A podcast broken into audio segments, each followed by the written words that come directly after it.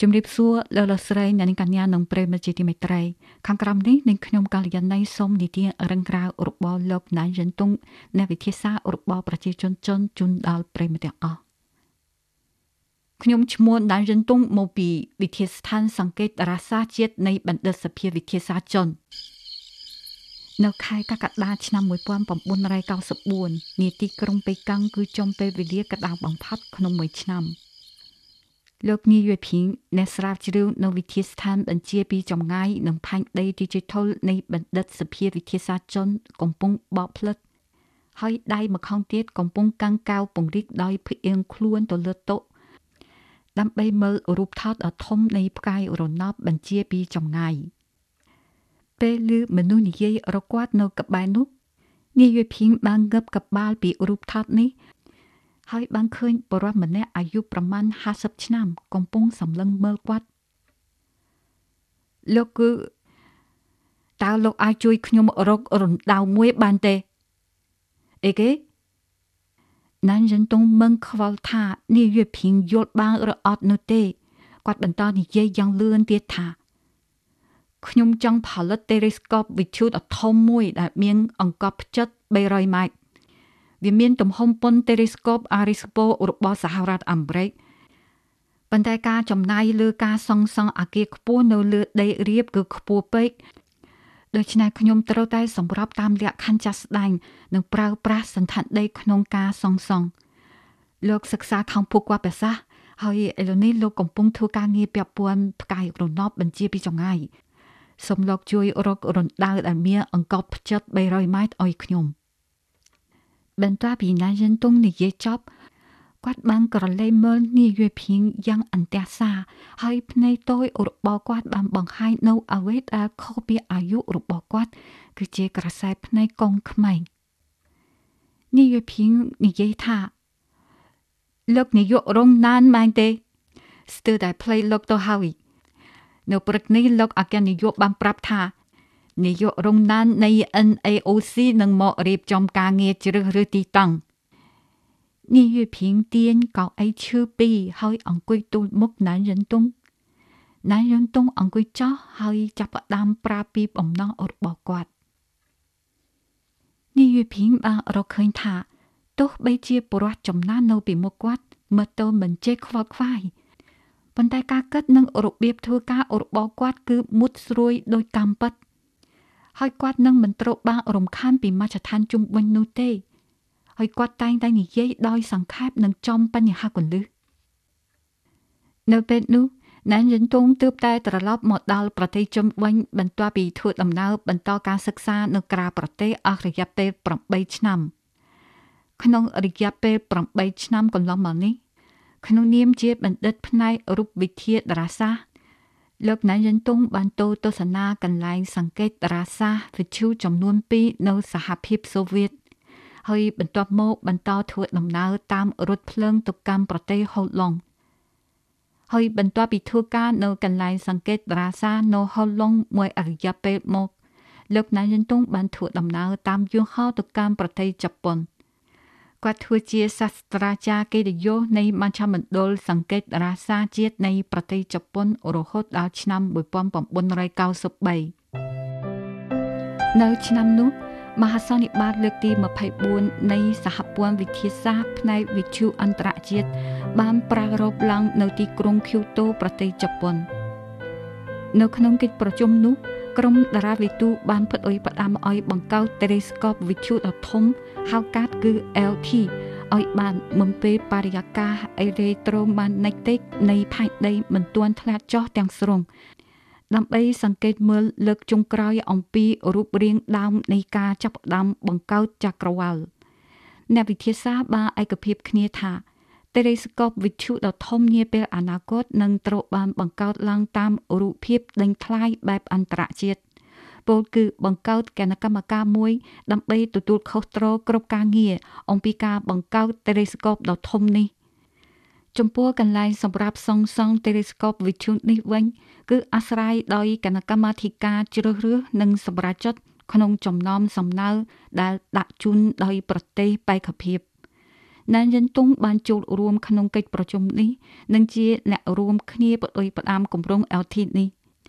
បន្ទាប់ពីកិច្ចប្រជុំនោះមិនជាយូរប៉ុន្មានលោកណានយិនតុងបានលាកលែងពីតំណែងជាសាស្ត្រាចារ្យកិត្តិយសនៅមជ្ឈមណ្ឌលសង្កេតតារាសាជាតិនៃប្រទេសជប៉ុន ហើយបានធ្វើដំណើរតាមយន្តហោះត្រឡប់ទៅប្រទេសជុំវិញលោកណានយិនតុងបន្តថា សតវត្សទី27កន្លងផុតទៅហើយនៅក្នុងសតវត្សនេះបច្ចេកវិទ្យារបស់មនុស្សជាតិទទួលបានការវិវត្តយ៉ាងខ្លាំងដូចជាអ្វីអ្វីដែលអ្នកទាំងអស់គ្នាបានស្គាល់មានយន្តហោះកុំព្យូទ័រក្របមីស៊ីលនុយក្រអែលជាដើមបើយកតារាសាដែលខ្ញុំស្គាល់ច្បាស់បំផុតជាឧទាហរណ៍របបកំហើញផ្នែកតារាសាថ្មីទាំង4បានបង្កើតនៅសតវត្សនេះតែរបបកំហើញវិទ្យាសាស្ត្រទាំងនេះគ្មានទំនាក់ទំនងអ្វីជាមួយនឹងប្រជាជនចិនទេ ណានយិនតុងបែកញើសយ៉ាងខ្លាំងពេលគាត់និយាយហើយយកដៃបបផ្លិតយ៉ាងខ្លាំងលោកបន្តថាឃើញថាមូលហេតុដែលប្រទេសចិនយើងថយចុះផ្នែកបច្ចេកវិទ្យាមូលដ្ឋាន គឺដោយសារយើងគ្មានបរិខាវិទ្យាសាស្ត្រធំធំរបស់ខ្លួនឯងខ្ញុំយល់ឃើញថាគម្រោង Telescope វិទ្យុអន្តរជាតិដ៏ធំលឹកនេះគឺជាការអនុវត្តភាពសម្រាប់ប្រទេសចិន តើយើងអាចអណ្ដាប់យកគម្រោងនេះឲ្យប្រទេសចិនដោយយើងស្នើសុំសិទ្ធិរៀបចំការប្រកួតកីឡាអាស៊ីបានទេប្រសិនបើធ្វើឲ្យ Telescope ដ៏ធំនេះមកនៅក្នុងប្រទេសចិននោះអ្នកវិទ្យាសាស្ត្ររបស់ប្រទេសចិននឹងមានលទ្ធភាពធ្វើរបបកំហើញធំទី5ផ្នែកតារាសាស្ត្របានវាប្រហែលជាយឺតពេលហើយប៉ុន្តែក្នុងរបបកំហើញតារាសាស្ត្រសំខាន់សំខាន់ចំនួន4ក្នុងសតវត្សទី21ត្រូវតែមានប្រទេសចិន លោកណានយិនតុងបោផ្លិតខ្លាំងខ្លាំងហើយសម្លឹងមើលញីយួយភីងចំចំដើម្បីមើលទឹកមុខរបស់គាត់នេះយួយភីងអង្គុយត្រង់ហើយនិយាយថាលោកគូណានពីព្រោះនេះជារឹងមានអំណោយផលដល់ប្រទេសនិងប្រជាជននេះជាការតបកេរបស់ខ្ញុំតើលោកយល់ឃើញថាខ្ញុំអាចជួយលោកបែបណាបានល្អណាស់ ថ្ងៃនេះសូមបញ្ចប់ជំហានទី1ជាមុនសិនខ្ញុំសូមសួរថាតើលោកអាចរកឃើញរណ្ដៅដ៏ធំបែបនេះនៅឯណាក្នុងប្រទេសចិនរណ្ដៅអង្កត់ផ្ចិតជាង300ម៉ែត្រហើយភូគាត់ប្រាសាទថិតថេរមិនលេចទឹក កំរោះមានមនុស្សទៅ ហើយមិនមានរលកសញ្ញាវិទ្យុខេត្តគុយជោតើលោកប្រកាសទេ មកឲ្យជម្រើផ្សេងទុកសម្រាប់ខ្ញុំទេលោកបាននិយាយហើយខ្ញុំធ្វើការងារផ្នែកបញ្ជាផ្កាយរណបផាញ់ដេករបបជនគ្មានកន្លែងណាមួយដែលខ្ញុំមិនស្គាល់នោះទេបូកសរុបលក្ខខណ្ឌទាំងអស់ដែលលោកបានលើកឡើងទីតាំងតែមួយគាត់អាចបំពេញលក្ខខណ្ឌនេះបាន គឺខេត្តគុយជោគនៅទីនោះជាភូមិសាស្ត្រតម្រង់ដី karst ហើយមានរណ្ដៅធម្មជាតិធំធំជាច្រើន អញ្ចឹងខ្ញុំទុកពេលឲ្យលោកមួយខែហើយអនុញ្ញាតជាពិសេសឲ្យលោកជិះយន្តហោះជើងទី1នៅព្រឹកថ្ងៃស្អែកទៅកាន់ខេត្តគុយជោដើម្បីជ្រើសរើសរណ្ដៅដែលសមរម្យសម្រាប់ខ្ញុំចាំខ្ញុំទៅសម្របសម្រួលជាមួយថ្នាក់ដឹកនាំរបស់លោកលោកណានយិនតុងក្រកឈោឡើងប្រើផ្លិតតាក់លឺស្មាលោកនាយភីងតិចតិចពាក់កណ្ដាលឆ្នាំកំណត់តនេះ លោកនាយវេភីងបានធ្វើដំណើរទៅតំបន់ភៀច្រើននៅខេត្តគុយជោគរួមផ្សំជាមួយនឹងរូបភាពពីចម្ងាយពីផ្កាយរណបគាត់បានសិក្សារណ្ដៅតូចធំជាង100រណ្ដៅបន្ទាប់ពីត្រឡប់មកវិញលោកនាយវេភីងបានប្រមូលកម្លាំងសរសេររបាយការណ៍ជ្រើសរើសទីតាំងនៃគម្រោង Telescope វិទ្យុដ៏ធំរបស់ចិនរសៀលមួយនៅរដូវក្តៅ នៅក្នុងទីធ្លាគ្រួសារនៃបណ្ឌិតសភាវិទ្យាសាស្ត្រចិនលោកជោវងចោរូបវិទូធម្មពលខ្ពស់ដល់ល្បីឈ្មោះរបស់ចិននិងជានាយកបណ្ឌិតសភាវិទ្យាសាស្ត្រចិនកំពុងដើរក្នុងទីធ្លាគ្រួសារដោយដៃមានកាបុករបស់គាត់ហើយរៀបចំត្រឡប់ទៅការិយាល័យវិញដើម្បីចាប់ផ្ដើមការងារជុំទី2របស់គាត់នៅថ្ងៃនេះ ពេលត្រឡប់មកដល់ការិយាល័យលោកជោគងចោបានអង្គុយចោះ ហើយយកលិខិតក្រាស់ក្រាស់ចេញមកវាបានคล้ายជាទម្លាប់របស់គាត់ទៅហើយដែលគាត់ប្រើពេលល្ងាចដើម្បីអានលិខិតពីបុគ្គលិកនៅក្នុងបណ្ឌិតសភាអូលិខិតនេះក្រាស់ណាស់ស្រោមលិខិតពណ៌លឿងក្រាស់មួយបានរអិលចេញពីគំនោលិខិត ហើយបានតាក់ទាញចំណាប់អារម្មណ៍របស់លោកជោគងចោលោកជោគងចោបានយកលិខិតចេញពីស្រោមរួយទើបរកឃើញថាលិខិតនេះពិតជាមានអត្ថន័យសម្បូរបែបមានទាំងអត្ថបទមានទាំងតារាងគំនូស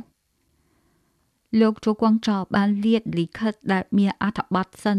ដោយបានឃើញអក្សរតូចតូចដ៏ស្រស់ស្អាតលើលិខិតសរសេរស្អាតម៉ាញ់ លោកជោគងចោបានយកឧបករណ៍ពង្រីកចេញពីថតតុហើយអានដោយមកចត់ជំរាបសួរលោកនាយកចូលជាទីគោរពលោកចូលគង់ចោកាន់តែអានទៅមុខចិញ្ចាមរបស់គាត់កាន់តែតឹង ហើយទឹកមុខរបស់គាត់កាន់តែផ្ដោតអារម្មណ៍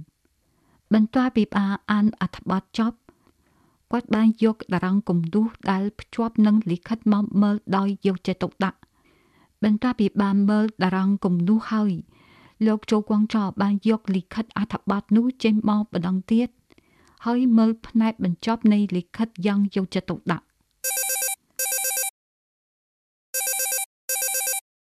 ព្រឹកថ្ងៃនេះ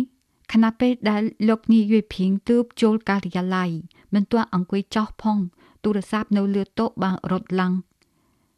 លោកនាយភីងមែនទេខ្ញុំគោះហាតុង សំឡុកអញ្ជើញមកការិយាល័យរបស់ខ្ញុំបន្តិចអ្នកដែលទូរស័ព្ទមកនេះគឺជាប្រធានវិទ្យាស្ថានបញ្ជាពីចម្ងាយនៃបណ្ឌិតសភាវិទ្យាសាស្ត្រជនស្ដាប់សម្ដីរបស់លោកមើលទៅ